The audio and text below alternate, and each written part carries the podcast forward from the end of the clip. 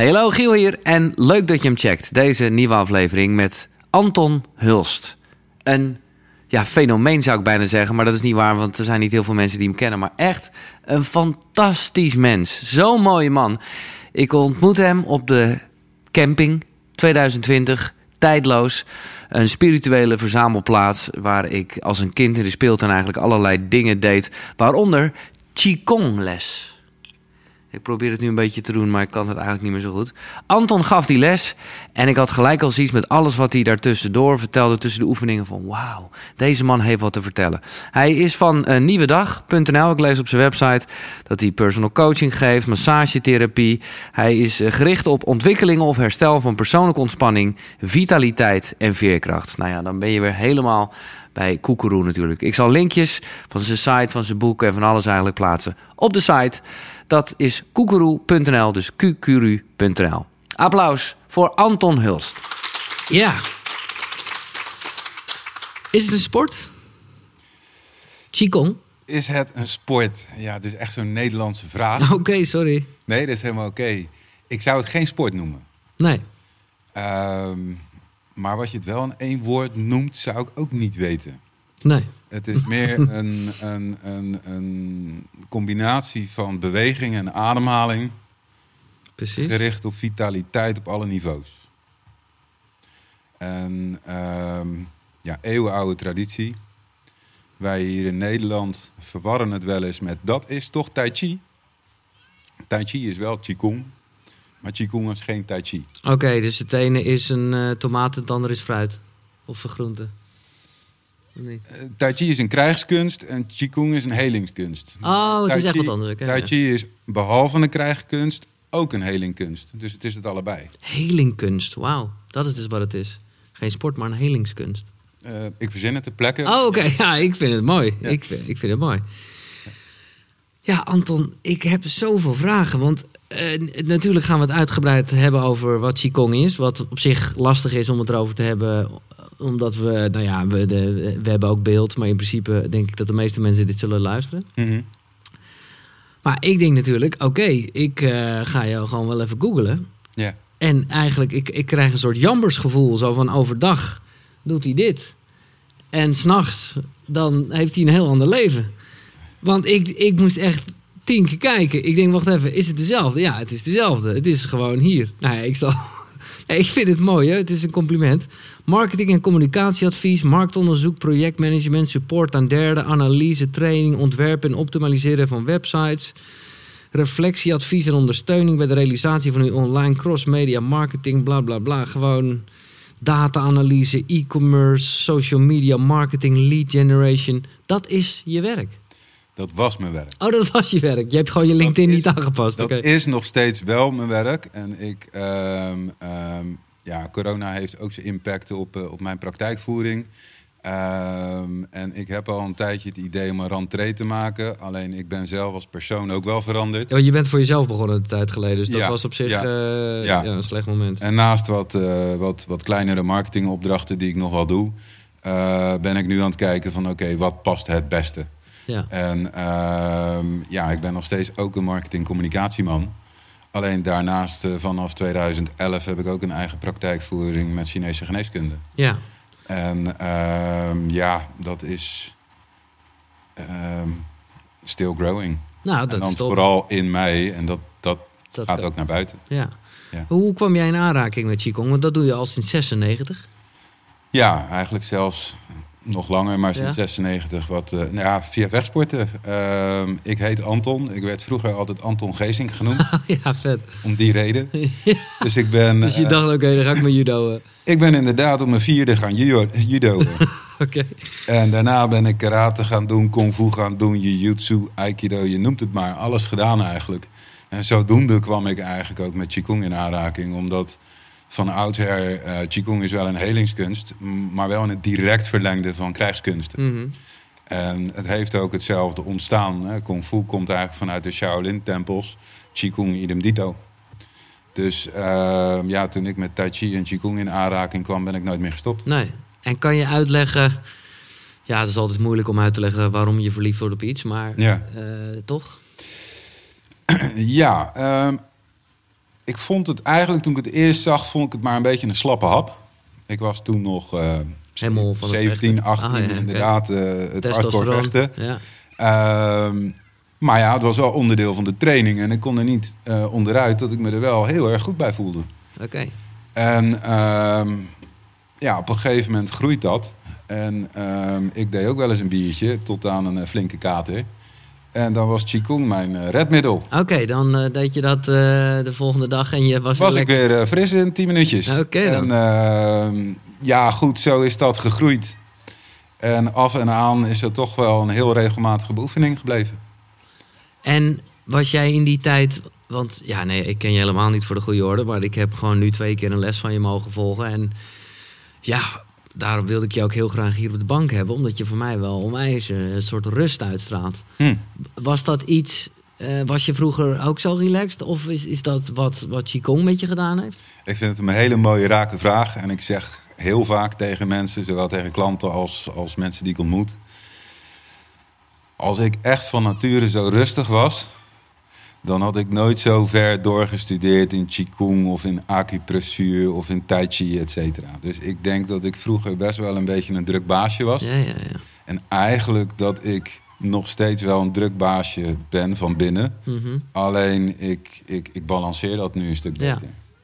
Maar dat is denk ik wel de grap. Eh, ja, het gaat, het, dat, het lichaam en je geest, het is natuurlijk nauw verwant. Ik bedoel, eh, eh, ja, dat is denk ik wel. Ik bedoel, je, je bent er ongetwijfeld een stuk opgeruimder ook in je hoofd van geworden. Want dat, dat is dus, vind ik, echt wel fenomenaal. Dat is wat dat het met je doet. Ja, dat is het zeker. Ja. Ja. Dus, maar, eh, maar jij bedoelt eigenlijk te zeggen, je bent altijd ook nog genoeg onrustig in je hoofd. Je blijft gewoon een mens. Ja, en de grap is inderdaad dat sommige mensen wel eens verwachten zo van... ja, maar je, je weet toch zoveel van ademhaling en je weet toch zoveel van bewegen? Doe eens rustig, als ik dan dus bonje heb. Ja, ja, ja, ja. En ik leg dan ook uit zo van ja, oké, is prima, maar ik ben niet 24-7 eh, Nee, de nee. kalmheid zelf. Hè. Ik kan ook gewoon eh, eh, boos, verdrietig eh, eh, eh, worden en ook gaan schreeuwen. ja. En eh, dan ben ik niet trots op mezelf natuurlijk. Maar Qigong is dan vaak weer de redding achteraf. Kijk, je gaat niet terwijl je in een ruzie verzeild raakt... eh, ter plekke Qigong doen. Want dan betekent eigenlijk dat je disconnect... en dat op zichzelf is voor een ander al frustrerend. Ja, Dus dat, ja, je kan een beetje doorademen zolang je er eh, eh, vroeg genoeg bij bent. ja, Maar als iemand echt eh, in je darmen zit, dan, dan kan dat er ook uitkomen. ja. Maar gebruik jij het wel dusdanig als een tool dat je bij wijze van spreken dat even op een toilet zou doen? Of werkt het niet zo? Dit is wel grappig wat je het zegt. Dan op een gegeven moment, als je verder bent in Qigong, kun je wel degelijk in een paar stappen al een heleboel bereiken. Ja, En eh, als je zo Tai Chi bekijkt, Tai Chi is eigenlijk veredeld lopen. Eh, want dat gaat constant van links naar rechts. ja, En zo heb je inderdaad ook een manier om te lopen. Dan vertraag je eigenlijk je pas. En dan kan je eigenlijk Qigong doen terwijl je gewoon wandelt. Dus als ik inderdaad in een lastige situatie kom, dit zeg ik ook tegen klanten. Dan zeg je gewoon eh, dat je even naar de wc moet. En die wandeling gebruik je eigenlijk om Ja, rustig ja, te worden. de dus wandeling, niet echt op de wc, Nee. maar wel richting de wc. ja, ja, Dat kan je ook doen met wat, wat te drinken pakken bijvoorbeeld. ja. Even kijken of we deze weer kunnen stabiliseren. Ja, precies. De microfoon klettert eh, hier uit elkaar. Dat is, eh, nou ja, dat is toch de energie, denk ik. nee, dat is flauw. Ehm, nou, ben jij later dus eh, ook personal coaching gaan doen. Dat is wat je Ja. ook doet. En gebruik je dan altijd Qigong erbij of soms helemaal niet? Staat het echt los van elkaar of is dat wel een soort één op één? Nee, dat is een mooie vraag. Eh, ehm, in praktijkvoering doe ik eigenlijk drie takken van sport. Eh acupressuur is de eerste waarmee ik echt naar buiten ben gegaan. Oké. Eh, denk Ook een beetje uit de Chinese wereld? Of, eh? Ja, vol. Ehm, ehm, ik heb bij de opleidingsinstituut Qingbai gedaan. Dat gaat alleen maar over Chinese geneeskunde. Ja, ja, oké. De discipline die ik doe is shiatsu. Dat is dan wel Japans, maar ik doe het volgens de lijn van Chinese geneeskunde. Oké. En dat geldt eigenlijk ook voor andere dingen. Daar komen klachten op tafel. Ik noem maar wat. eh, ik heb nekpijn of ik heb een hernia of, of ik kan niet goed lopen. Of Mhm. wat voor dingen ook. En dan blijkt daar eigenlijk vaak heel veel omheen te zitten. En afhankelijk daarvan wordt ook Qigong ingezet voor de zelfredzaamheid. Want bij massage ga je liggen en dan, dan word je eh, in balans gebracht. Maar een week later, ja, wat doe je dan? Terugkomen. Dat kan, altijd welkom. Maar het is ook fijn als je zelfredzaamheid Mhm. Ja, ontwikkelt. Nou, waardoor daar- je thuis... Ja, ja. ja, en dat is eh, eh, hoe ik in één op één Qigong eh, terecht ben gekomen. Dus dan geef ik mensen echt gericht oefeningen waar ze mee aan de gang kunnen. Je zou bijna kunnen zeggen, het is hetgene wat ik hier doe, alleen meer op maat gesneden. Ja. Ehm, maar er komen ook dingen op tafel die dan eigenlijk toch wel weer wat begeleiding verbaal eh, kunnen gebruiken. En dan is coaching heel Ja, goed inzetbaar. Ja. ja, en ik denk sowieso, maar dat geldt voor elke bewegingsding, dat je wel toch echt even. Ja, het is altijd heel verneukeratief om het zelf te doen. Want je kan net eventjes niet je armen genoeg open draaien. Of net even je ademhaling verkeerd doen. Ja, maar dat is dus juist waarom het zo mooi in een traject past. Want als ik jou een paar oefeningen geef, dan zit je inderdaad thuis een beetje, hoe ging het ook alweer? Ja, Wat ik dan doe, is ik, ik stuur jou discreet, eh, privé, een, een, een filmpje ja, ja. waarin ik dan de oefeningen eh, eh, doe. Maar, ja. Dan heb je nog wel om te kijken. En bij een volgende sessie kom je terug en dan kijk ik Even nog eens wat je doet. En dan krijg je de pointers. Ja, ja, wat goed. Dus het is En ik moet zeggen, anders. ik vind het redelijk open source allemaal. Wat er over online staat. Bedoel je op mijn site? Of Nee, nee, nee. Ik bedoel eigenlijk niet zozeer bij jou, maar dan wel gewoon, eh, nou ja, als je op YouTube uh, intikt. Qigong, ja, er is veel over te vinden. Ja. Ja, ja en als je kijkt hoe rijk het eigenlijk is, er zijn duizenden Qigong-vormen. Ja, Dus oh, wat ja, dat betreft is er eigenlijk. En dan doe je maar ook weer de Chinezen? Qigong is van oudsher Chinees en ik doe vooral inderdaad de Qigong-vormen vanuit de Chinese Health Qigong Or- Organization. Ehm, mijn Shifu is ook derde ge- eh, generatie eh, Chinees. Eh, Shifu is leraar? Ja, dat, ehm, ehm, ja die, die, die is echt grootmeester waar ik nog jaren van zou kunnen leren. Alleen niet iedereen heeft die verdieping nodig. Nee. Maar het verrijkt mij wel om het door te kunnen geven. Wat, wat heeft die Chinese geneeskunde allemaal? Ik ben er totaal niet op, van op de hoogte eigenlijk. Wat heeft hij allemaal? Ja, het is een wat eh, open vraag, maar, of een grote vraag. Maar ja, nee, ja, ja, ja, ik weet er gewoon niet zoveel van. Eh, misschien is het aardig om, om, om te zeggen hoe ik daar überhaupt mee in aanraking Ja. ben gekomen, behalve het, eh het, het, het Qigong. Ik deed jarenlang vechtsporten en op een goed moment ging ik een vechtsport doen die heette Kyushu Jitsu. Eh, Dat is een Japanse variant van Dimmak. En dat betekent eigenlijk vechtsporten op basis van eh, acupunctuurpunten. Nou, ik vond het eh, waanzin eigenlijk, maar ik moest het wel even proberen. En dat betekende eigenlijk dat je mensen op een paar puntcombinaties knock-out slaat. Oh, top. En ehm, nou, kom maar op. en daar werd ik wel een beetje door overdonderd. Dus het, eh, Want dat gebeurde dan ook echt. Dan wist je gewoon precies even dat puntje, bam. Ja, en, en ik ging dus eerst even als proefpersoon staan. Want ik had wel wat jaartjes eh, ervaring. Ik denk, nou, laat maar voelen. Maar het werd echt zwart vermogen. En ik zakte eh, echt door mijn knieën heen. En nou ja, sindsdien heb ik dat een jaar of drie, vier gedaan. En ja, dat heeft me eigenlijk hoekt gemaakt aan een hele theorie van, van Chinese geneeskunde. Om dat te kunnen doen, studeer je eigenlijk al acupunctuur. Alleen Ja. je past het op een andere manier toe. Ja, zonder de spelden. Zeg maar. En later heb ik eigenlijk het, eh, het martiale eh, vaarwel gezegd. En ben ik me echt helemaal op het, op het helingdeel gaan, gaan richten. Ja. Nou ja, ik, ik bedoelde de vraag net ook een beetje omdat ik het gevoel heb dat het allemaal heel natuurlijk is. Maar dat zeg, Dat ik, ook zo. dat zeg ik meer op basis van hoe jij de aanwijzingen gaf met. met hè, eh, haal, de, haal de warmte, de, de, de- de energie uit de grond Ja. en wuif als riet. En, eh, nee, maar ja, ik voelde dat heel erg, moet ik zeggen. Ik, Ja. ik, ik, ik had gelijk een, ik Ja. voelde gelijk wat ik moest doen of zo. ja, het is wel dat ik hier het sterk vereenvoudig. Ja, oké. Eh, dus hier moet het gewoon eh, zonder al te veel uitleg snel opgepikt kunnen Tuurlijk, worden. En vooral kunnen beoefenen. Eh, Chinese geneeskunde gaat eindeloos ver in allerlei aspecten. Het heeft ook eh, eh, eh, eh, acht trigrammen in zich, dus acht pijlers eh, die daarin terugkomen. Eh, voeding, krijgskunst, heling, eh, muziek, eh, noem maar op.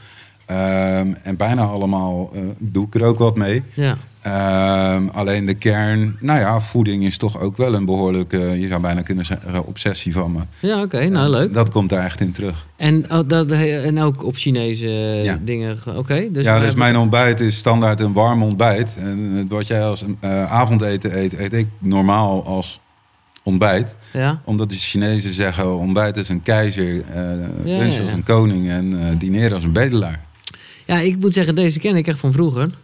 Maar nu door de hele intermittent fasting eh, toestand eh, is dat hele ontbijt als een keizer. Is meer ontbijt gewoon niet. Mm, Nou, als je ziet hoe de Dalai Lama het doet, die zorgt gewoon dat zijn diner niet te laat is. En dan kan je nog steeds heel goed intermittent fasting doen. Want intermittent fasting is 12 uur plus niet eten. Ja, 12 uur plus inderdaad, ja. Nou, Nee, en als je dat goed Ja, zo ja, neerzet. Nee. Dalai Lama doet s'avonds alleen maar thee eh, drinken. Ja. En hij praat niet over intermittent fasting, maar dat Nee. doet het zijn hele leven al. Maar goed, oké, dan zijn we gelijk even bij eh, het ochtendritueel, wat ik interessant vind. Wat eh, heb jij een bepaald ochtendritueel? Dat zou je wel zo kunnen noemen, ja. Oké, dus de wekker gaat. Gaat er een wekker? ja. Oké. Eh, meestal ben ik wel wakker voor de wekker, maar staat wel. Ehm, dan ga ik eerst een paar glazen warm water drinken. Dus niet gewoon water, maar warm water. Ja. Koud water, dat doet verkrampen. Nee, en warm water ontspant. Lauwachtig. Ik doe echt eh, gekookt theewater, Ah, laat afkoelen en totdat Ja, ja. het lauw is. Ja. En dan ga ik eh Qigong doen. En terwijl ik Qigong doe, is het eten aan het opwarmen. En als ik klaar ben met Qigong, is mijn eten warm. En dan ga ik ontbijten. Dat is mijn ritueel. Ja, nou, dat- en, en hoe lang eh, doe je dan de Qigong? Doe je dan zo'n eh, acht, zo'n ding wat wij deden? Eh, ja, dat, nou wat wij inderdaad aan het einde van de training rondmaken. hè, Dus zo'n oefening en dan een, een, een routine in het Ja, middel routine, en, ja, en zo. afmaken. Ja, Ja, dat is eigenlijk wat ik doe in de ochtend. Maar het kan ook zijn dat ik eh, een dubbele routine doe. Dan ben ik, eh, ja, het is ergens variërend van een kwartiertje, 20 minuten tot een uur ongeveer. maar en dat eten kan het ook boerenkool met worst zijn? Ja. Gewoon de, wat wij s s'avonds eten? Ja, alleen let ik dan wel iets meer op de ingrediënten. Ja. Dus ik zou die worst zou ik vervangen. Nee, precies. Dus, dus wat is een ideale Anton? Nou, die eh, boerenkool is prima. de boerenkool, ja, tuurlijk. Maar wat ik heel veel eet, want je moet niet denken dat ik 's ochtends sta te koken. Ik zeg wel eens, ik kook als een Surinamer. En dan bedoel ik vooral de grote hoeveelheden. Ja, ja, ja. Eh, zodat ik er gewoon een paar meal van kan eten. En s ochtends in het pannetje gooien. En wat Ah. ik heel veel doe, is heel veel groentesoep. Ja, ah, ja. Gooi een beetje havermout doorheen en dan heb ik alles binnen. Oké. Groentesoep met eh Een havermout. beetje havermout. Of zemelen is havermout. Ja, nee, ik snap het. Ja. Dan is het toch nog een beetje ontbijtachtig. Ja. Of ik gooi door de soep ook wat eh, zoete aardappel. En dat, dat pureer ik gewoon mee. En dan heb je een volledige maaltijd. En eh, dan eet je s'avonds een... eh, Daarin ben ik nog wel gewoon Nederlander. Soms sla ik eh diner dan inderdaad over een klein snackje. Maar meestal eet ik wel gewoon diner. Ja, ja, dus, Dus ik dineer twee- niet als een bedelaar. Nee, precies. Nee. En, en heb dus ook eigenlijk twee warme maaltijden op een dag. Soms zelfs drie. Soms als drie, ja. Want de lunch is eh, ook warm, meestal. Oké, ja. ja. Als het even kan wel. Ja, niet als ik op tijdloos ben, maar als het even kan wel. Ja, ja, ja. Ja. God, interessant. En, en daar gaat iedereen in jouw omgeving gewoon mee, in mee. Die, die, die heeft gewoon zoiets van, ja, dat is, dat is zo leven wij. Nee, niet iedereen. Ehm, eh, in relaties is dat inderdaad wel eens eh, eh, aanpassen. Maar meestal gaan ze daar toch wel op een goed moment in mee. Ja. Ja. Ja. Leuk. En, en doe jij dan, los van Qigong, nog iets van meditatie? Of is dat jouw meditatie? Ik doe inderdaad ook meditatie. Zo ben ik eh, een paar jaar geleden ook op een uh, Vipassana-retreat geweest. Echt? Oh, vet. Ja. Oh, je hebt het gedaan. Ja, Oké dan. En hoe was het? dat vond ik wel dik afzien eigenlijk. Ja, dat weet ik. Dat is het ook. Maar ja, Ja. dat is ook de lol. Of thans, dat is, dat, Nou, de lol, de lol, de dat is lol. de uitdaging. Och man, ik wil het echt doen. Ja, nou, ik, Maar ik weet nu al dat ik helemaal gek word. Daar gaat het niet om. ja, dat werd ik ook. Ja, ja. Ja. je, voor de mensen even die het niet kennen. Het is eh, tien dagen. Niet lullen met mensen. Niet aankijken het liefst op een gegeven moment, geloof ik. mag zelfs geen pen in je handen. Zelfs geen pen in mijn handen hebben. Wat ik nu heb. Nee, je mag niet schrijven. Nee, je mag niet lezen. je mag- levert je telefoon, je pennen, je potloden, alles waarmee je iets kan doen, lever je in. Ja, En dan ga je tien dagen committeren aan volledig stil zijn. Ja. Alleen als je een functionele vragende leiding hebt, dan kun je dat minimaal stellen. Ehm, en, rest, vervolgens, eh, en vervolgens mediteer je tien uur per dag. ja. En tien uur stilzittend. En dan moet je weten dat ik eigenlijk moeite heb met stilzitten. Ja, En precies. echt serieus, hè? Ja, ja, ja. Dus eh, wat dat betreft geen toeval dat ik ja, best wel specialist in bewegende meditatie ben geworden.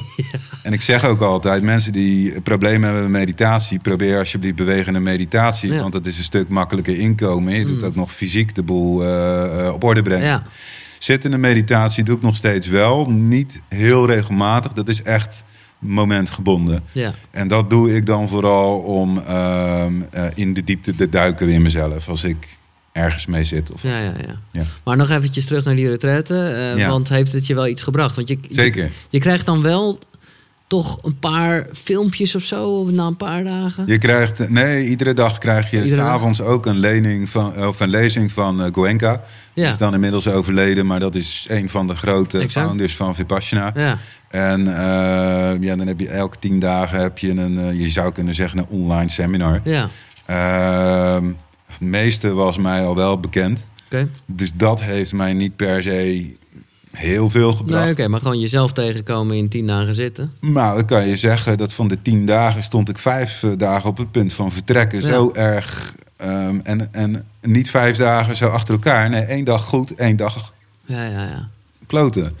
Nog een dag goed. Oké, dus het was, volgende tot, dag was nog. echt tot het einde het was kut eigenlijk. echt een yo-yo. En ik was echt aan het aftellen tot die tien dagen. En dat mag ook niet.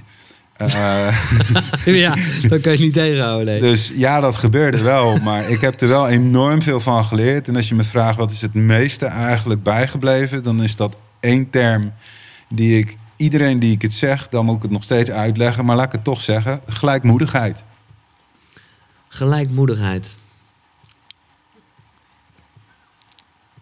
Nou, dit gebeurt er dus meestal. Ik zit even na te denken. Ik denk, eh, het is wel een eh, soort oud-Hollands woord dat ik wel eens vaker gehoord heb. In het Engels eh, zeggen ze dat equanimity. Nou, dat kent al helemaal bijna niemand. Maar het is eigenlijk zoiets als het is niet goed, het is niet fout. Je hebt geen voorkeur, je hebt geen afkeur. En dit laatste is eigenlijk heel moeilijk. Ja. Want als jij al boerenkool met spruitjes lekker vindt... of boerenkool met wat ook, dan heb je een voorkeur. ja. En die voorkeur zeg je, nou, dat is toch prima? Ja, maar als er niet aan die voorkeur voldaan wordt... heb je daar de setup voor teleurstelling en frustratie... en alles wat om de hoek komt kijken. Ja, ja, ja. Dus als je echt naar innerlijke rust gaat... dan is de grootste kunst om te leren observeren... ook alle nare dingen in gelijkmoedigheid. ja. En wij in Nederland zouden zeggen... ja, dat doe je dus op een afstand bekijken... En in zekere zin emotioneel is dat ook zo, maar eigenlijk kom je super dichtbij. Alleen je blijft gelijkmoedig. Mhm. En dat is iets, dat, dat is oefening. En boeddhisten zien het zelfs als een van de vier pijlers van liefde. Gelijkmoedigheid. Ja. En dan ook nog een van de vier die niet van nature komt. Dat is echt Trainen. altijd oefenen, oefenen, Ja. trainen, trainen, trainen. Ja. Net als de sixpack. Nee, precies. Gelijkmoedigheid. En, en, en het schurkt het een beetje aan gewoon verwachtingen temperen? Want daar lijkt het ook een beetje op, nee? Nee, want dan ben je nog steeds wel degelijk met voorkeuren en afkeuren bezig. Ja. En die, als je echt gelijkmoedigheid oefent, zodra je de eerste kleine dingetjes van voorkeur of afkeur merkt, laat je ze los. Krachtig hoor. En dat heb je eraan, nou, ik bedoel, je bent gewoon nog steeds mens, dus af en toe Ja. sluipt er echt wel iets in. Absoluut. Maar je bent er wel een stuk beter in, eh, je bent er beter in geworden. Nou, het helpt. Kijk, ik zei net al, ik heb ook mijn momenten waarin ik echt wel boos kan worden. Ja. Nou, als ik boos word, ben ik, laten we even zuiver zijn, absoluut niet gelijkmoedig. nee. Nee. Maar het helpt wel in het moment daarna. Van Ja. wat is hier nou eigenlijk gebeurd? Wat raakt dit in mij? Wat kan dat betekenen? Wat, wat, wat, wat raakt het in een ander? Wat kan dat betekenen? Ehm, ja, en dan ehm, eh, lijkt het wel alsof je soms een paar therapie-sessies in 10 minuten doet. Maar dat maakt soms ook wel weer lastig als je met mensen wil communiceren die daar helemaal niet bekend mee zijn. Nee, nou, dat is op zich het merendeel. Maar die zijn heel gewend om wel degelijk voorkeuren en afkeuren Tuurlijk. te hebben. En als ik dan dus eh, heel gelijkmoedig ben, dan kan dat ook wel eens als een zwakte ervaren worden. Hè? Ja, ja. Kindness is a weakness. Nou, dat eh, ben ik niet helemaal mee eens, maar Nee, nee, nee. het kan wel zo. eh, Nee, maar ik zit te denken, ik bedoel, eh, nou, het wordt gelijkmoedig. wordt op social media niet echt eh, Het gebruikt. is, het is geen Het is- het is- veel gebruikt woord. nee, Nee. nee, dus, dus, het, nee, maar nee. Maar het is wel de beste vertaling van equanimity. Ja, nee, en ik vind het ook een mooie uitdaging. Zonder dat het natuurlijk ook. eh, ja, het, het, moet niet, het, is, het is ook niet laks of ongeïnteresseerd of geen mening hebben. Dit is heel mooi dat je dit aankaart. Want in Vipassana retretten heb je ook iemand die begeleidt. Dat is eigenlijk de... Nou, ik weet niet eens hoe ze die noemen. eh, maar daar kun je ook af en toe je vragen stellen. En Mhm. ik zat ook echt ermee te puzzelen van... Wat de hel is eigenlijk gelijkmoedigheid? ja. Dus ik vroeg ook aan hem. Ik zeg, is dat niet hetzelfde als eh, laconiek? ja. Zo? Ja, onverschillig. Onverschillig? Ja, ja, ja. En ehm, hij gaf daar een heel treffend antwoord op. Nee, dat is exact het tegenovergestelde. Want bij onverschillig ben je niet geïnteresseerd. En bij gelijkmoedig ben je dusdanig vergaand geïnteresseerd... dat je bereid bent om al je voorkeuren en afkeuren eventjes opzij te zetten. En dat is dus echt een 180 graden draaien. En pas toen ik dat doorkreeg, toen ging ik echt aan. Ja. Vet jongen, nou, ik wilde het al doen, maar eh, nu nog meer. Hoe erg het me ook lijkt.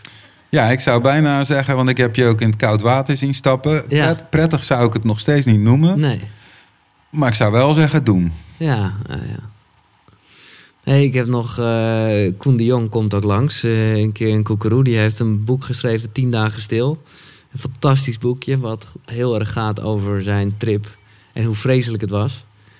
En, maar uiteindelijk heeft hij daarna nog twintig keer gedaan. Maar het is echt van, het is fascinerend om te lezen hoe, wat voor een hel het was. Maar zou jij het ooit nog doen? Of zeg je van nou... ik, eh, Dit wordt me ook vaker gevraagd en eh, ehm, ik denk er wel eens over na. Ik weet het niet. Nee. Het zou kunnen, maar het hoeft ook niet per se. nee, nee, nee. Het is ook zo dat. Ik denk zelf dat de grootste waarde is wat je er zelf mee doet en blijft doen.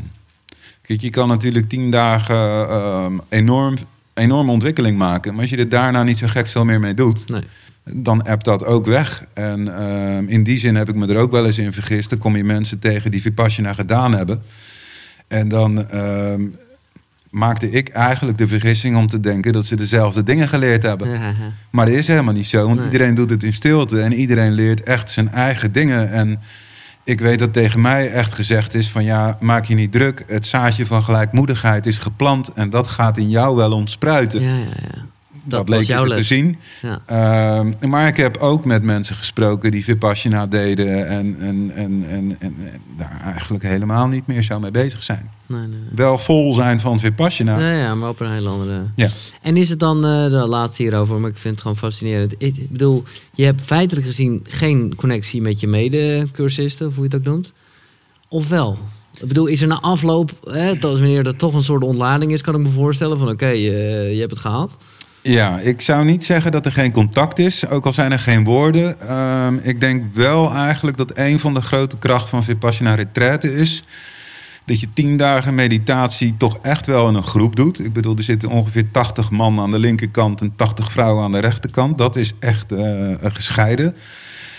Maar het feit dat er zoveel mensen zitten, put je wel heel veel support uit. Oh, en juist. ergens in die tien uur meditatie eh, heb je echt wel veel momenten dat je denkt, nou, nokken. Ja. En ehm, als je bijvoorbeeld aan het ontbijten bent en je ziet het een ander puur in stilte een moeilijk moment heeft.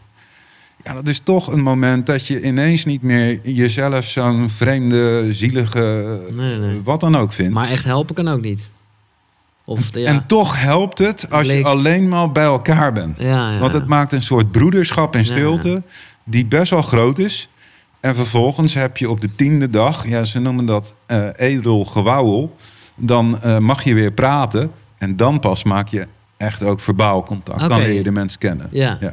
terwijl je al iets heel intens samen meegemaakt hebt. Bijzonder. Ja, en het is bijna alsof de stop eraf gaat. Dan, dan komt er ook echt bij de meeste mensen een spraakwaterval. Ja, natuurlijk. Nou, wat lachen. Oké, wat, wat eh, ben jij... Want dat was me net niet helemaal duidelijk toen je had over je leraar. Ben jij dan zelf nog heel erg aan het groeien in Qigong? Of heb je zoiets van, nou, ik heb gewoon dit level. Ik geef, het, eh, ik, ik geef de les in. Ik gebruik het voor mezelf. That's it? Een beetje van beide. Ik eh, zie mezelf niet als master of als meester. Ehm, ik noem mezelf trainer Ja, en eeuwig student. ja, ja. ja. Ehm, en dat deel ik graag eh, vanuit ehm, ja, dat. Ehm, ik vind daar ook gelijkwaardigheid heel belangrijk. Dus ik hou er niet van om op een podium te staan. Nou ja, een- We zitten hier, maar eh, en- het gaat Maar- je goed? Ehm, ja, ik vind dat naast elkaar staan op gelijke hoogte super belangrijk. En als je ook eventjes iets dieper kijkt in de Chinese traditie, ja, dan zou geen enkele Nederlander zich master kunnen of mogen noemen. Nee. Dit gaat echt generaties op generaties wordt het opgebouwd. Niet eh, twee uurtjes per dag. Maar het is een total lifestyle. Ja, ja. En ehm, ik kan ook wel bij mezelf zien dat dit een groot onderdeel van mijn levensstijl is. Maar ten opzichte van de echte grootmeesters moet ik daar niet groot over doen. Maar hoe moet ik dat zien zien als de lifestyle is? Eh, Dat als je de afwas opruimt, dat je de borden Qigong in de kast zet? Dat nog net niet. Nee, ja, het zou kunnen hoor, met een bepaalde. Maar het is wel zo dat ik op veel lege momentjes wel iets van Qigong kan inbrengen. Ja, ja, ja. Ik doe bijvoorbeeld ook calisthenics. Dat is fitness zonder toestellen. Ja. En de meeste mensen doen dat op pure kracht. En ik doe dat vooral op ademhaling. Dus Ja, het is eigenlijk ja. hardstyle Qigong wat ik doe. Hoe heet ook alweer dat ding eh, dat je jezelf zo optrekt? Hoe heet het nou? Hoe bedoel je? Ja, dat is toch echt zo'n calisthenics ding. Dat je jezelf optrekt. Nou ja, dat je jezelf zo, dat je zo'n eh, zo'n stok hebt. Ja. En dan ga je zo op die stok, dat je zo boven... Up. Ja. Up. Ja, dat je de pull-up doet en dat je Ja. boven de... En, Ja, dat ja, ja, de muscle up, ja, ja, precies. Ja. Ja, dat is iets waar je enorm veel power voor nodig hebt. En op het moment dat je de beweging eigenlijk doorkrijgt en ademhaling ook... Nou, dan kan je dat eigenlijk zo drie, vier Ja. keer zo vaak doen... als dat je het normaal op kracht Ja, het is ademhaling en, en toch ook wel een beetje een soort timing van wanneer Tuurlijk. je dat moet doen. Ja, het is de techniek en de ademhaling. Ah. Maar dat is natuurlijk ook wat ik hier in Qigong zeg. Het is een combinatie van be- beweging en ademhaling. En het grappige is, sinds we natuurlijk geboren worden, halen we adem. We denken allemaal dat we kunnen ademhalen. Hmm. En dat is ook zo. Maar we weten er goed en wel niet zoveel vanaf. Nee. Op het moment dat je daar je echt in verdiept, kun je daar ook eindeloos in blijven verdiepen. Ja. Hetzelfde geldt over beweging. Ja. We lopen sinds we nou ja, kunnen lopen. Maar sindsdien is er bijna niemand meer die op je let hoe je loopt. En wat dat eigenlijk zegt of Ja. kan betekenen. Tai Chi is all about that. ja, ik loop fuck- echt fucking kut eigenlijk. Maar ik, eh, werk er wel aan. Nou, eh, begin Tai Chi. Ja, nou ja, ik we- weet vooral nu dat ik gewoon heel erg wat kinderen doen het automatisch. Kinderen die in het begin lopen is natuurlijk altijd goed. En die hebben dus, dat probeer ik nu heel erg om te letten, die kunnen wel eens voorovervallen. En dat is dus eigenlijk heel goed. En dat heb ik, nou ja, heb ik dus niet. Ik moet, ik moet gewoon meer, ik, nou ja, dat komt vaker te sprake. Ik, ik ben gewoon heel slecht in het voelen van mijn buik. Dus ja, ik dat hoorde ik gisteren ook. ja, Ja. dat is gewoon eh, een complex. Nee, dat valt mee. Maar, Maar daar kun je echt wel heel veel mee doen. Ik ben het niet eens met je stelling dat, eh, dat eh, kinderen altijd goed lopen. Nee, oké, maar als ze heel jong zijn, toch? Nee? Mm, Ze kunnen het ook wel fout leren, ja? Oké. Daar begint het. Ja, natuurlijk, ja, ja, Daar begint het. ja. Maar goed, je moet in ieder geval toch wel een beetje meer... eh, heel veel mensen lopen wat naar achteren... terwijl je wat meer naar voren zou moeten lopen. toch? Ik zou daar misschien wel een workshop hierover Ja. kunnen geven, omdat Ja. dat heel veel zegt. Ja, Leun je naar achter of leun je alleen rond je hart eh, Ja, naar achter met je hoofd naar voren in de toekomst of zit je naar links of naar rechts? Dat zegt oké, maar voor veel. iedereen die luistert... zou je kunnen eh, zeggen en dus beschrijven hoe je goed loopt? Is dat te doen? Rechtop. ja? Dus niet naar voren vallen. Nee, helemaal. Ja, gewoon recht. Dus geen accent, gewoon recht.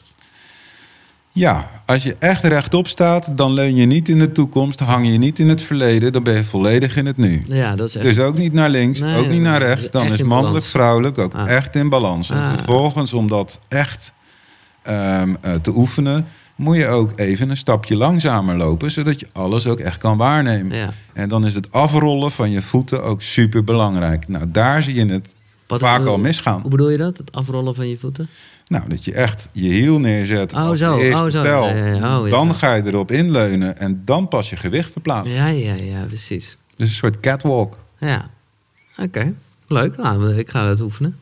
Maar merk jij dan ook aan jezelf, niet zozeer in lopen, maar eh, misschien ook, maar ook als je Qigong doet, dat op het moment dat jij even niet lekker in je vel zit, dat je dus ook de bewegingen minder lekker gaat? Ja. Twee kanten op. Als, ik heb ook wel eens een week dat ik ehm, niet zoveel doe. Mhm. Een off-week. En eh, meestal kom ik niet beter in mijn veld zitten. Nee, precies. Nee, dus daar zie ik het gelijk Dan aan. merk je al dat je het mist, ja? Maar ook als ik inderdaad ehm, ehm, eh, minder in mijn vel zit, ja, dan, eh, dan, dan merk ik dat ook terug in mijn bewegingen. Ja, Ja. En misschien dat een ander het verschil niet voelt of niet ziet, maar ik voel het verschil wel. En als ik beter in mijn vel zit, voelt alles zachter. ja. En, en als je niet lekker in je vel zit, dan helpt het in ieder geval wel om, Om dat, rustiger te om worden. dat te voelen. Ja, precies. Ja, maar als je op het moment dat je echt boos bent, dan moet je wel even zo met een paar oefeningen de top eraf halen voordat je Qigong gaat doen. Want anders ga je die negativiteit door je systeem heen brengen. Nee, ja, dat wil je niet. Nog andere dingen uit de, de Chinese genees, geneeswijze die je zou willen leren of waar je nou, gefascineerd door bent, waar wij misschien iets van kunnen leren? Die ik zelf nog wil leren of die ik ehm, ehm, zou willen delen van ja, Ja, eigenlijk was dit een dubbele vraag, alle twee. Ja, Ehm, ik denk dat ik nog eindeloos wil leren in Chinese geneeskunde. En dat kan ook. Het is niet één of twee onderwerpen. Dit is gewoon het hele spectrum. Ben je er ooit geweest eigenlijk? Ja, ik ben met mijn Shifu geweest eh, in 2012. Hij was toen 25 jaar in Nederland. En ik heb de mazzel gehad dat hij ehm, ehm, zo'n 30 man uit Nederland mee heeft genomen langs zijn levenspad in China. Dus wij hebben ook eh, zijn eh, leraren en, ehm, en, en belangrijke plekken daar, eh, daar meegemaakt. Vet. En dat is een onbeschrijfelijke ervaring geweest. Ook met iedere dag eindeloos veel Qigong en Tai Chi van heel veel verschillende leraren. Ja, vet. Ja. En wat kunnen wij eh, leren nog? Wat is een onderwerp waarvan je denkt van nou, daar zou een gemiddelde Nederlander eh, wel wat aan hebben? Wel, ja. Het eerste wat ik zou zeggen, en je noemde het al een beetje in je intro. ehm, lichaam, emotie en gedachten staan niet los van elkaar. Nee. Nooit, ik zeg zelden nooit, maar ze staan nooit los van elkaar. Dus als iemand pijn heeft in zijn knie, dan wordt daar heel snel bagatelliserend over gedaan. Nou, het is maar een pijntje. En wij leren helemaal niet meer zo naar ons lijf luisteren. Nee. En dat is best heel jammer. Ja, Want nee, je hoeft er geen mega boeken over gelezen te hebben om naar je eigen lichaam te luisteren. Maar je moet er wel, en dat is iets dan wat ik ook vanuit Vipassana geleerd Mhm. heb. We denken allemaal te kunnen luisteren. En in zekere zin is dat ook zo. Maar je gaat pas echt leren luisteren op het moment dat je stil wordt van binnen. Want anders luister je toch voor een belangrijk deel eigenlijk onbewust naar je eigen gedachten en, en, en aannames die je al doet. En op het moment dat je daar echt stil in wordt. En ook je oordelen eventjes parkeert Ja, ja, en nog eens verder kijkt of luistert. Ja, dan ga je ook aan je eigen kwaaltjes wel wat waarde ontlenen. Neem bijvoorbeeld een burn-out. Ehm, ja, dat is heel vervelend als je daarmee te maken hebt. Maar het is niet iets wat zomaar op je pad komt. nee, je, er zouden eerder wel tekenen geweest moeten zijn. Exact. Ja, ja, ja. Eigenlijk loop je een wandelpad wat niet bij jou past. Je gaat allemaal klachtjes al krijgen die je niet significant genoeg vindt om aandacht aan te besteden. Hmm. En dat is eigenlijk hoe iedere ziekte zich manifesteert. Ja. Ik bedoel, zelfs als je naar een, een vervelende ziekte, welke vorm ook van kanker kijkt, ja. ja. daar gaat een jarenlange voorgeschiedenis aan vooraf. Met heel veel ontstekingen. ja, het komt toch ergens vandaan. Alleen eh, op de een of andere manier zijn we zo verknocht aan onze levensstijl dat we het niet zo belangrijk vinden om naar al die kleine dingetjes te luisteren. Nee. En pas echt eh, stoppen met eh, drinken, roken, laat naar bed gaan of wat dan ook. Als ze ingeklapt zijn of iets, ja. Als er echt gedonder is. Maar het is natuurlijk wel zo dat. Weet je, dat. eh, Maar goed, dan zijn er wel mensen die, eh, die expert zijn. Maar een knietje in je pijn, ja, ook dat is juist heel erg Chinees, toch? Dat hè, de meridianen door je lijf. Hè, dus dat dat zou kunnen betekenen omdat je iets met je oren hebt. Ik, zal, ik, ik zeg nu iets wat niet klopt hoor, maar snap je wat ik bedoel? Dat, dat, dat is toch heel vaak zo. Van, je hebt ergens pijn en dat komt dan door iets wat daarmee geconnect is. Ja, in Chinese geneeskunde is alles gekoppeld aan, aan je orgaansysteem en eh, eh, de elementen die daaraan zitten. Ja, als, als, als water stroomt dat toch? eh? Ja, dan moet ik wel even zeggen dat de elementen anders zijn ingedeeld dan in Ayurveda. Dus wat je hier heel veel hoort, in vier, vijf elementen, dat heeft net iets andere insteek dan in Oké. Chinese geneeskunde. Maar goed, ehm, ehm, eh, vanuit daar wordt alles gekoppeld aan organen. En, en als jij dus wat aan je knie hebt, wordt er grofweg gekeken. Waar is dat aan de knie? Binnenkant, waar is dat? En, nou, en dan in stilte, want dan gaan we natuurlijk geen klanten mee vermoeien. Ja, daar kijken wij gewoon. Als het aan de binnenkant is, goh, zit dat bij de lever, de milt of de nieren? Maar dat kan je voelen in de pols.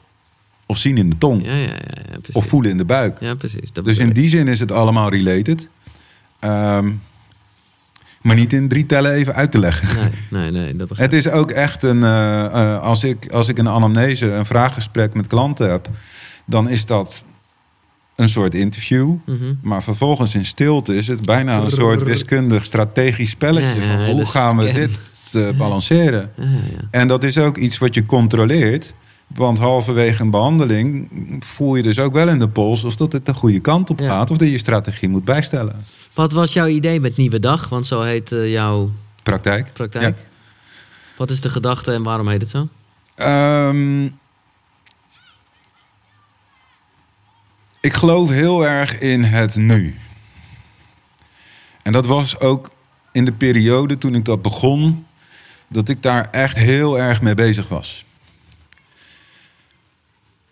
En ieder moment is wat dat betreft een nieuwe dag. Niet alleen morgen. Ik heb er ook wel een beetje bijna als karma heel veel lullige opmerkingen over gekregen. Zo van, oh, joh, dat, dat laat je toch gewoon achter je. Het is weer een nieuwe dag. Ehm, Morgen weer een nieuwe dag. Ja. Daarom heb ik er ook bij gezegd, ja, het is als een nieuwe bladzijde. Kijk, Ja. eh, je kan natuurlijk op ieder moment dat je een boek niet bevalt, kan je zeggen, weet je wat, weg dat boek en een Ja. ander boek. Maar met je leven is dat niet zo. Nee, Dus je kan wel zeggen, een nieuwe dag is een delete-knop, maar dan ben je niet handig bezig. nee. Het betekent naar mijn idee dat je in ieder moment de vrijheid hebt om een nieuw perspectief te kiezen, te vinden. En wat dat betreft echt op een andere manier dingen aan te gaan vliegen of in het leven te gaan staan. Elke nieuwe ademhaling. En dat is waar ik eh, zelf in oefen, maar ook mensen in begeleid. Mooi. Zowel fysiek, emotioneel als mentaal via coaching. Ja, ja, ja. Ja.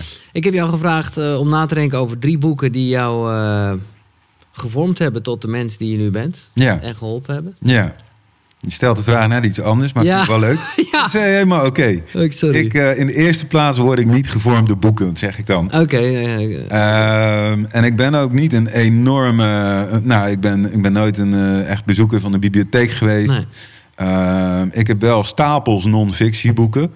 Ehm, ik heb de vraag geïnterpreteerd als zijn de romans die Ja. wel een, een, een innerlijke vormingswaarde in zich hebben. Ja. Nou ja, maar voordat je dan, eh, de, de- dan ben ik wel nog even benieuwd. Eh, Je hebt verteld hoe je hier zo bent ingerold. eh, Echt heel erg vanuit de, de vechtsportwereld. Ja. sportwereld. maar ik kan me toch niet aan de indruk onttrekken dat daar dat er op een gegeven moment toch ook wel een soort van spiritueel luikje is opengegaan. Dat klopt. En wat, wat heb je toen allemaal verslonden, eh, gelezen of gehoord of cursussen? Nou ja, we hebben het gehad over de. Ehm, bijna een apart interview. eh, wat Ja? ja, echt serieus. Ik, heb, ik heb denk ik eh, bijna alles wel bewandeld wat je, wat je kan tegenkomen. Oké, oké. Eh, tot aan meervoudige ayahuasca, tot aan... eh, ja, e- echt, je kan het zo gek niet verzinnen. Oké, ayahuasca is ook een terugkerend eh, ritueel bijna in Niet, deze... niet meer bij mij. Dat heb ik een, een tijdje geleden achter me gelaten. Maar ik heb wel een behoorlijk aantal reizen gedaan. Ja. Ja. En, en is het uit te leggen wat jou dat gegeven heeft? Ehm, Nog meer... ik, kan er, ik kan er een paar ehm, ehm, kleine dingetjes uithalen. Want Ja? ik denk dat dat soort ervaringen echt niet met woorden te vatten zijn. nee, dat, is nou- te veel. Ja. Ehm,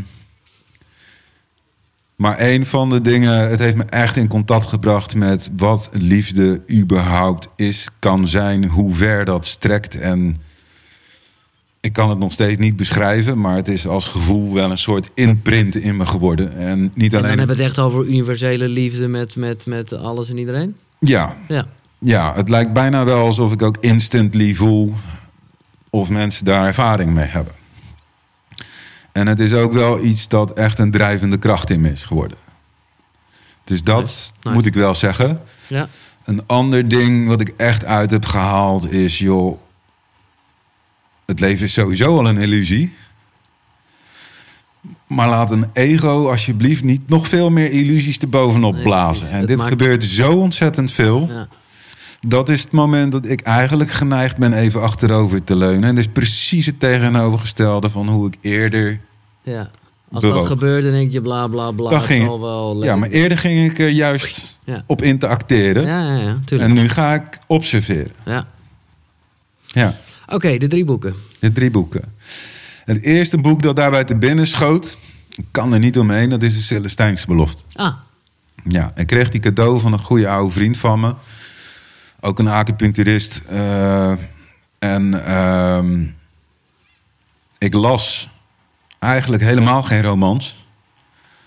Ik heb het boek in een dag verslonden. Het is ook een boek wat een, een, een, een hele serie heeft geproduceerd.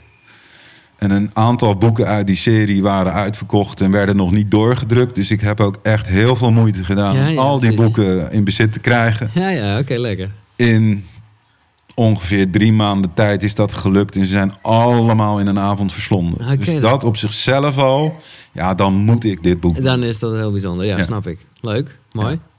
Oké, ander boek? Een ander boek, ja, dat ligt heel erg bij de, de achtergrond waar we het over hebben.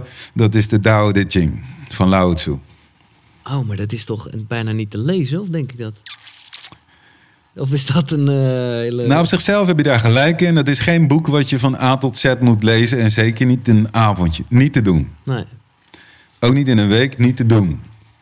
Maar het is wel een boek wat heel goed zich leent om af en toe een paar bladzijden te lezen. En echt tot je te... En in die zin is het wel een van de boeken die voor mij enorm belangrijk is geweest en nog steeds is. Ik wil net zeggen, dat is nog iets waar je nog wel eens in kijkt.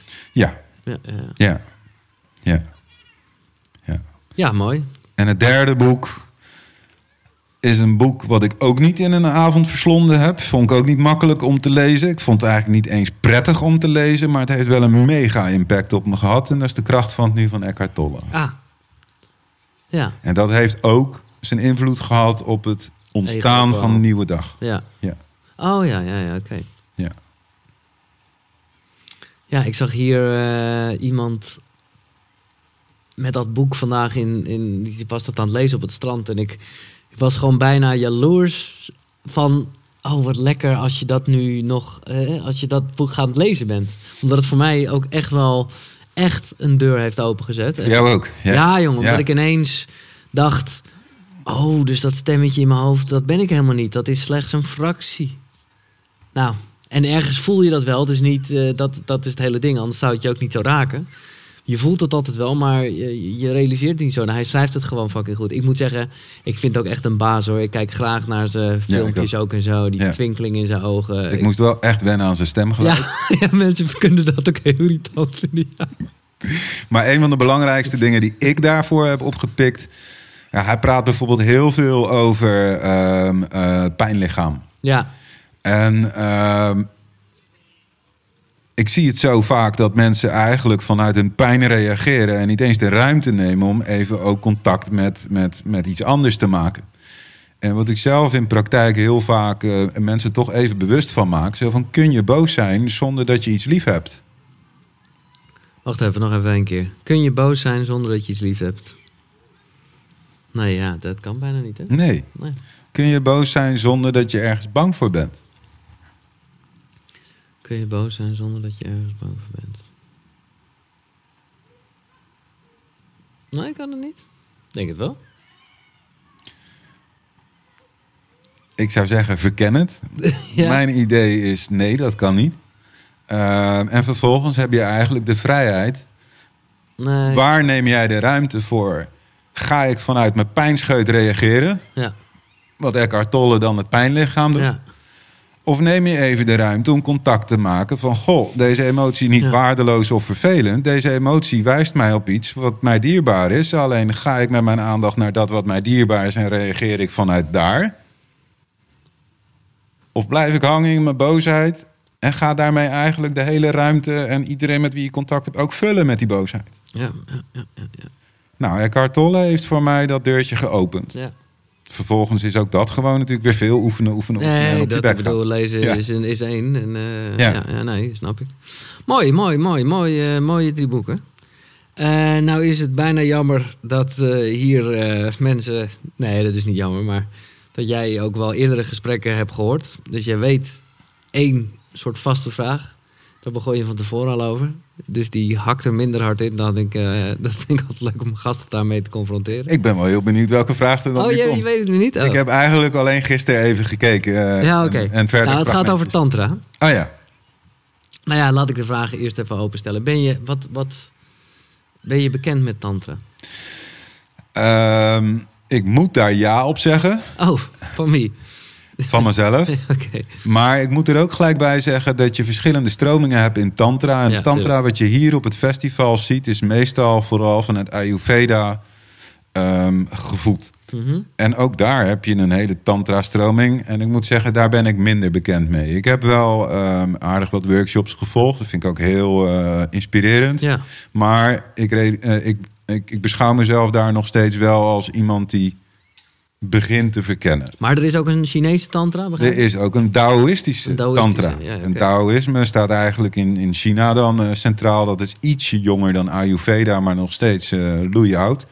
En met Taoïstische tantra ben ik wel heel erg bekend. En, en nou ja, ik hoef niet helemaal de verschillen te weten, want dat is misschien wat gedetailleerd. Zou ik je ook niet kunnen uitleggen, Nee. want ik ben te weinig expert maar in Ayurveda. waar, waar- hoe zou jij uitleggen, eh, want hè, dat blijft altijd dat mensen heel erg aan seks moeten denken, terwijl ja, tantra op zich natuurlijk iets veel omvattender is en gewoon Ja. wel gaat over gevoel. Hoe, Ja. hoe zou jij de Taoïstische tantra omschrijven?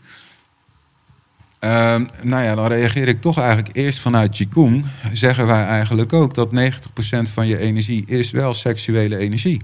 Ja, En nee, natuurlijk betekent dat niet dat je 90% van je tijd of gedachten aan seks besteedt. Nee. Nee. Maar seksuele energie is wel de drijf achter heel veel dingen.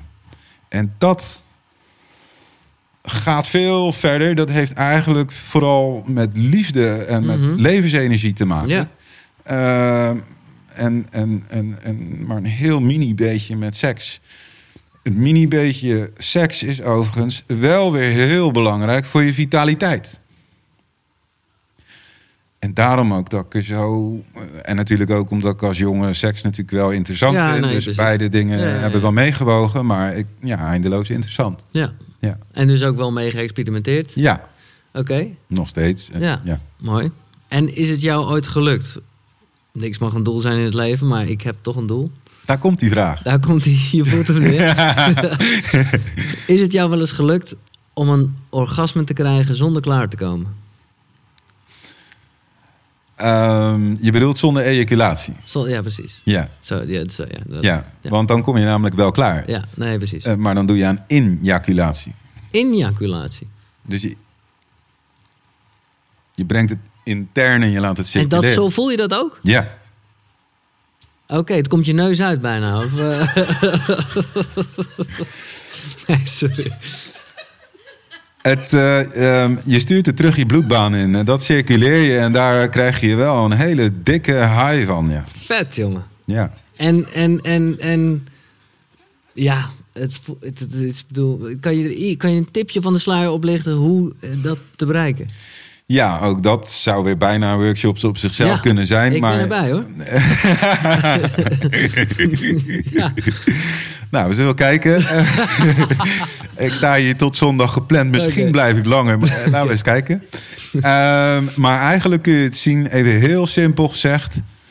Ehm, je hebt Qigong gedaan. ja, Dat gaat heel veel over ademhaling en Zeker. circuleren. Ja. Nou ja, dit zou ik wel eh, als, als de basis meenemen. Dus het gaat erom dat je je energie goed weet te circuleren met ademhaling. Dat is één. Het tweede is Dat nou, je- dat is al best een ding. Want we weten Ja. allemaal dat we doorgaans bij de seks toch als een hond ineens eh, zo... Nou ja, we worden, Ja. we worden gegrepen onder andere door, door toch ook dingen in onze bovenkamer. Fantasieën die Ja. met ons aan de loop gaan. En eh, vervolgens gaat onze ademhaling van slag. En eh, nou ja, dan hebben wij mannen mogelijk het risico dat het snel gedaan kan zijn. Exact. Ehm, en, en, en let's be real, net zoals dat ik boos kan worden, kan ik ook nog steeds die momenten hebben hoor. Nou, fijn. Eh, en als overigens ook gewoon niks mis mee. Nee. kan hartstikke prima zijn. Precies. Ehm, alleen eh, er zijn ook momenten waarin je inderdaad wel eh, uren door kunt gaan en, en kunt blijven opbouwen. Ja.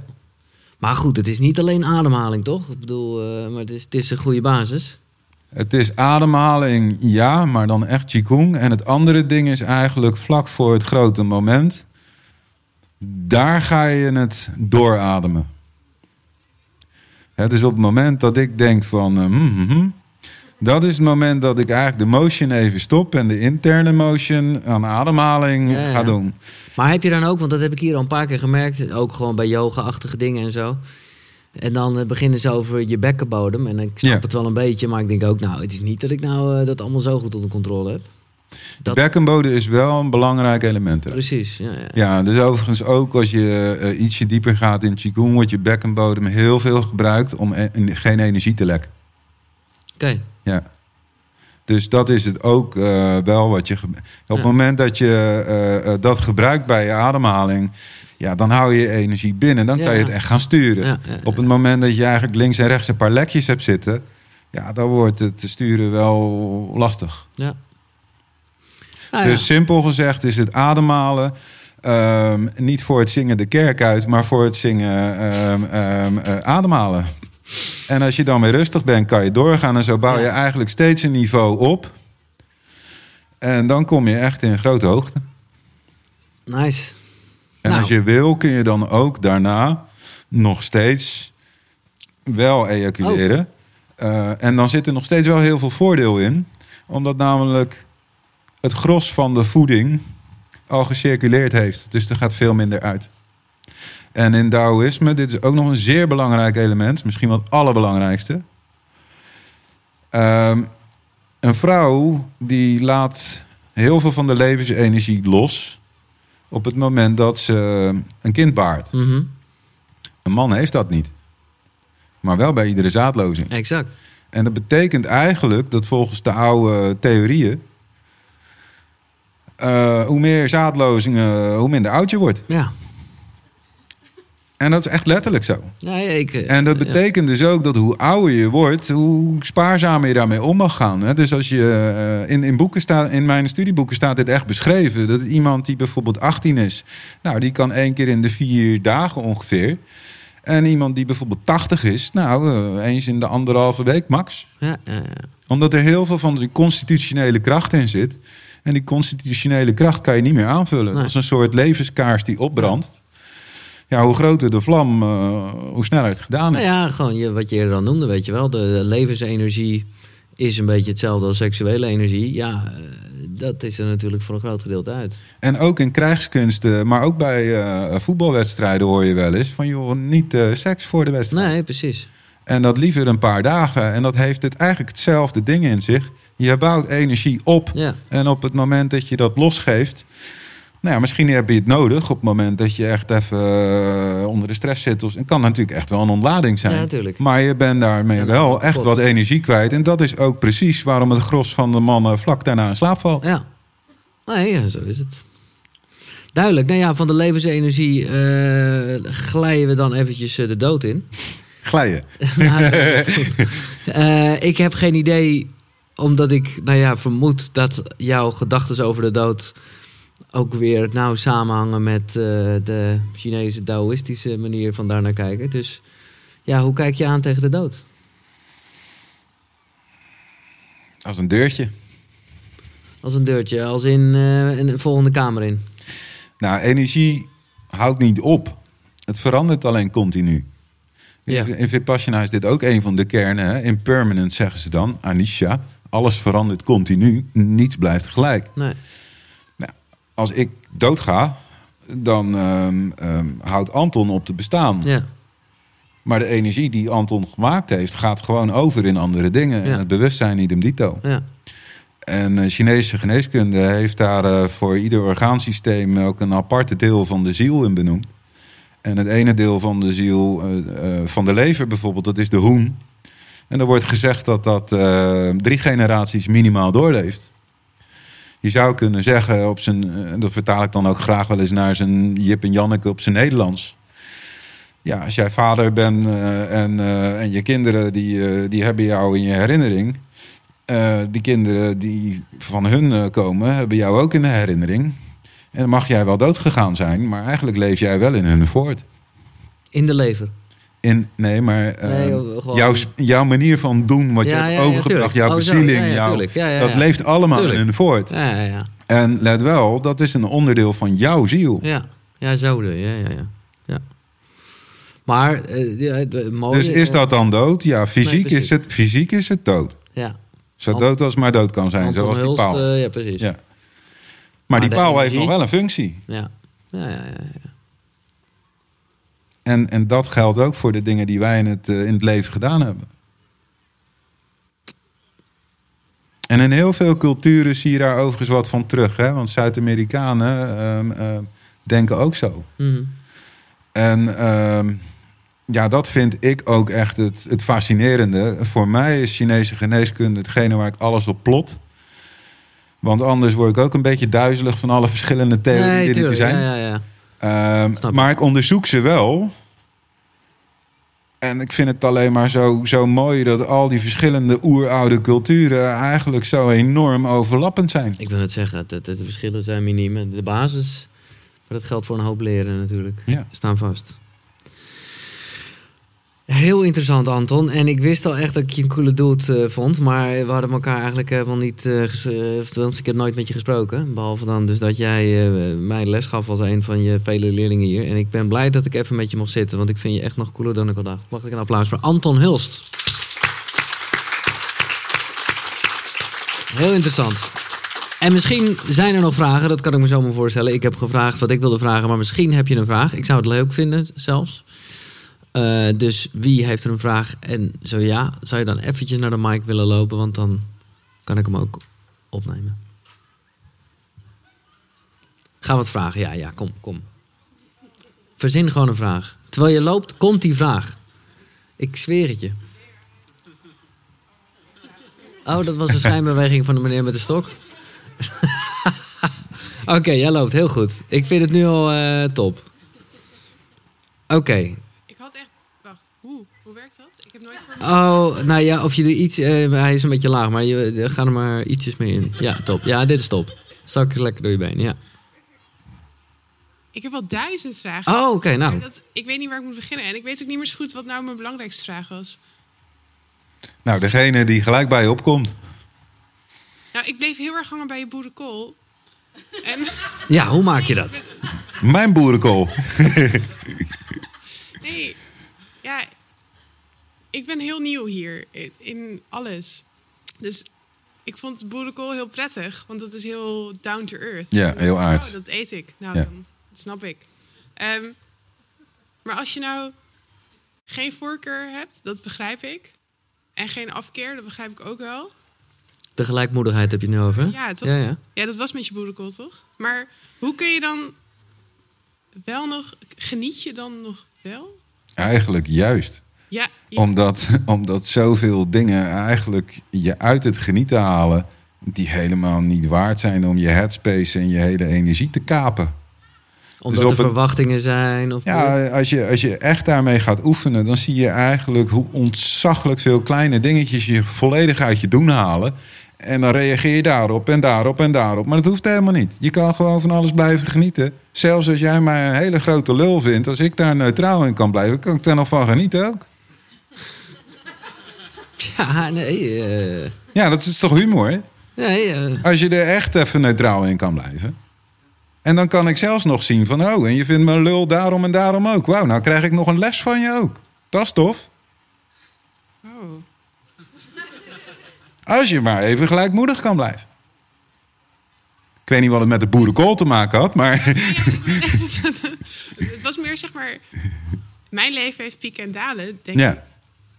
Misschien moet Heel normaal. meer balans brengen. Maar diepe dalen zijn niet zo leuk. Maar die hoge pieken zijn wel leuk. Ja. Dus als je dan gelijkmoedig wordt, dan klinkt het ook zo vlak. Dat alles een zesje is, jij, jij hebt liever een acht en een vier. Ja, dat ben ik wel met je eens. Ja, Ja, eh, maar dat hoeft helemaal niet. Want je kan ook zien, die, die pedalen, dat is de fuel die jij nodig hebt. De motivatie om überhaupt ergens anders te komen.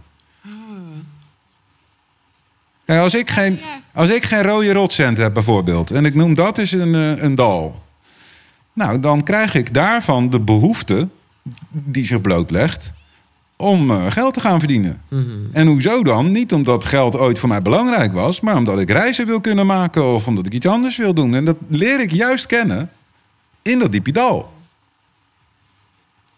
En als ik dat dus zie, als ik dat echt op waarde ga inschatten, dan is dat diepe dal dus geen straf meer.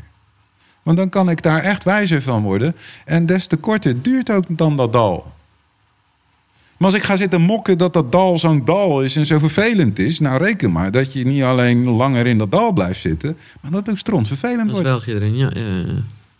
En wat voor lessen hou je er nog uit? Helemaal niks, want je zit helemaal vol. Ja, in het oosten noemen ze dit. Je monkey mind is killing you. monkey mind. Ja, dus de eh, emotie wordt in China eh, vergeleken met het aapje. Het springt van hot naar her. Het is bedoeld eh, ter, ter lering en vermaak. Maar nooit, Om je te laten leiden. om, juist. Ja. Dan gaat hij terug de kooi in. Maar zolang het vermakelijk is, please enjoy.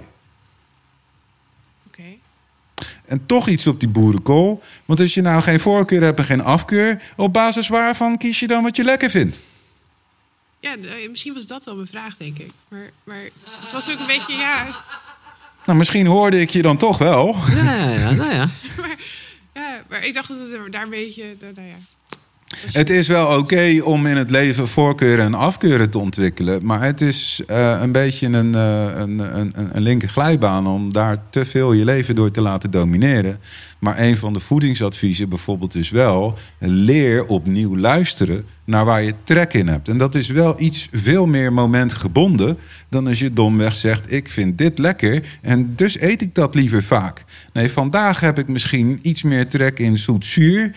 En als ik dan echt even stilsta bij... wat voor zoet-zuur kan in natuurvoeding dan voor mij vandaag lekker voelen... dan eet ik eigenlijk precies waar mijn lichaam behoefte aan heeft. Dus het is wel luisteren naar je behoeften... Maar behoefte is niet per se gelijk aan voorkeur afkeur. Dit zijn hele dunne nuances, maar wel super belangrijk. Oh, dan heb ik ook misschien een nieuwe vraag. Wacht. Kom erop. Nee, nee, dat, dit boddelt. En dan denk ik, oh. Want eh, jij doet... eh, ik kan niet uitspreken. Qigong. Qigong. Qigong. Ja. En, eh, eh, maar, maar ik heb hier gemediteerd en geyogaat. En ik Ja. heb tantra gedaan en, en, eh, en healing. En, ja, van alles een Ehm, beetje. Ja.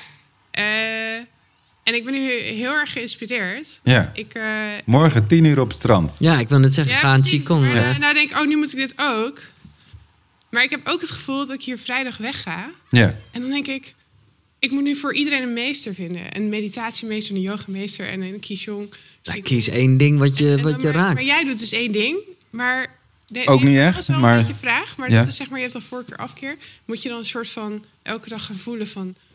Vandaag heb ik liever meditatie? Of is het gewoon, je kiest iets en daar binnen? Of hoe werkt dat? Hoe kies je Nou, dan? eigenlijk de manier hoe jij je vraag stelt...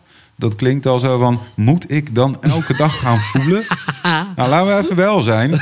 Dat doe je al elke dag. Nee, nee, ik heb geleerd vandaag dat ik niet zo goed voel. Dus ik... eh, En toch, en Nou. toch doe je het al elke dag. Ja, ik vind je Dus als je goed. dichter bij je gevoel kan komen, prima. En daar heb je misschien wat oefening te doen, omdat je dat ontwend hebt. Ontwend hebt hoor. Want daar ga ik wel met de stelling van Giel mee. Niet ieder kind kan al fantastisch lopen. Maar reken maar dat kinderen fantastische leermeesters zijn in hoe zij hun gevoel kunnen voelen, daarnaar handelen, et cetera. Het zijn die ouders die zeggen: dat mag niet. Mhm. Als jij nou voor je eigen manier in, je, in, in contact komt met je gevoel, ja, dan gaan daar echt hele mooie dingen gebeuren. En in de tussentijd zou ik zeggen, kies één ding en Nou, kijk precies. eens hoe, hoe dat voelt. En ga je daar een beetje in verdiepen. Want als jij tien in- dingen tegelijk gaat doen, ga je nog veel meer verward worden dan dat je nu daar woorden aan geeft. Ja. Zo voel ik me ook. Maar dat, eh, oh. Nou ja, Maar dit is wel een mooie ding om tien Ja. dingen uit te proberen. En vervolgens te zeggen, nou, en dit ga ik dan kiezen voor de komende weken, maanden, misschien wel jaren. cool. Ja? Nee, dankjewel. Ja, jij bedankt. Hele goede vraag. Echt top. Nee, echt fijn dat je durfde. Iemand anders die nu ook het lef heeft om eh, te komen. Of, eh, nou ja, dan was dit het. Eh, als je later bent aangeschoven, dit komt allemaal op koekeroe.nl. Dat is QQRU. eh gewoon Spotify, iTunes, YouTube, alles. En ik wil nog één keer een applaus. Dank voor zijn tijd. Anton Hulst. Dank, man. Tof, man. Dankjewel. Ja, nou, ik heb het allemaal wel gezegd daar op Tijdloos eigenlijk. Daar kan je het allemaal vinden. Wat ik nog wel even wil zeggen tegen jou als luisteraar zijnde... nu je toch zover bent gekomen... of je misschien deze uitzending zou willen delen. Bijvoorbeeld een berichtje schrijven op Facebook... eh, op een story op Instagram... en tag me nou gewoon eventjes, hè, Giels, G-I-E-L-S... En, ja, ik vind het altijd een beetje gênant om te vragen, maar het is gewoon heel belangrijk. Eh, doe even een keer, als je via iTunes luistert, een, eh, een paar sterren geven. Of een recensie. Ja, dat is, eh, dat is belangrijk. Ja. En anders doe je het lekker niet. Dan ga je gewoon lekker naar de website. Dat is koekeroe. Ja, koekeroe inderdaad. NL.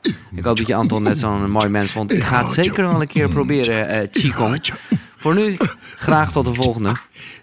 Zonnegroet. Hoi.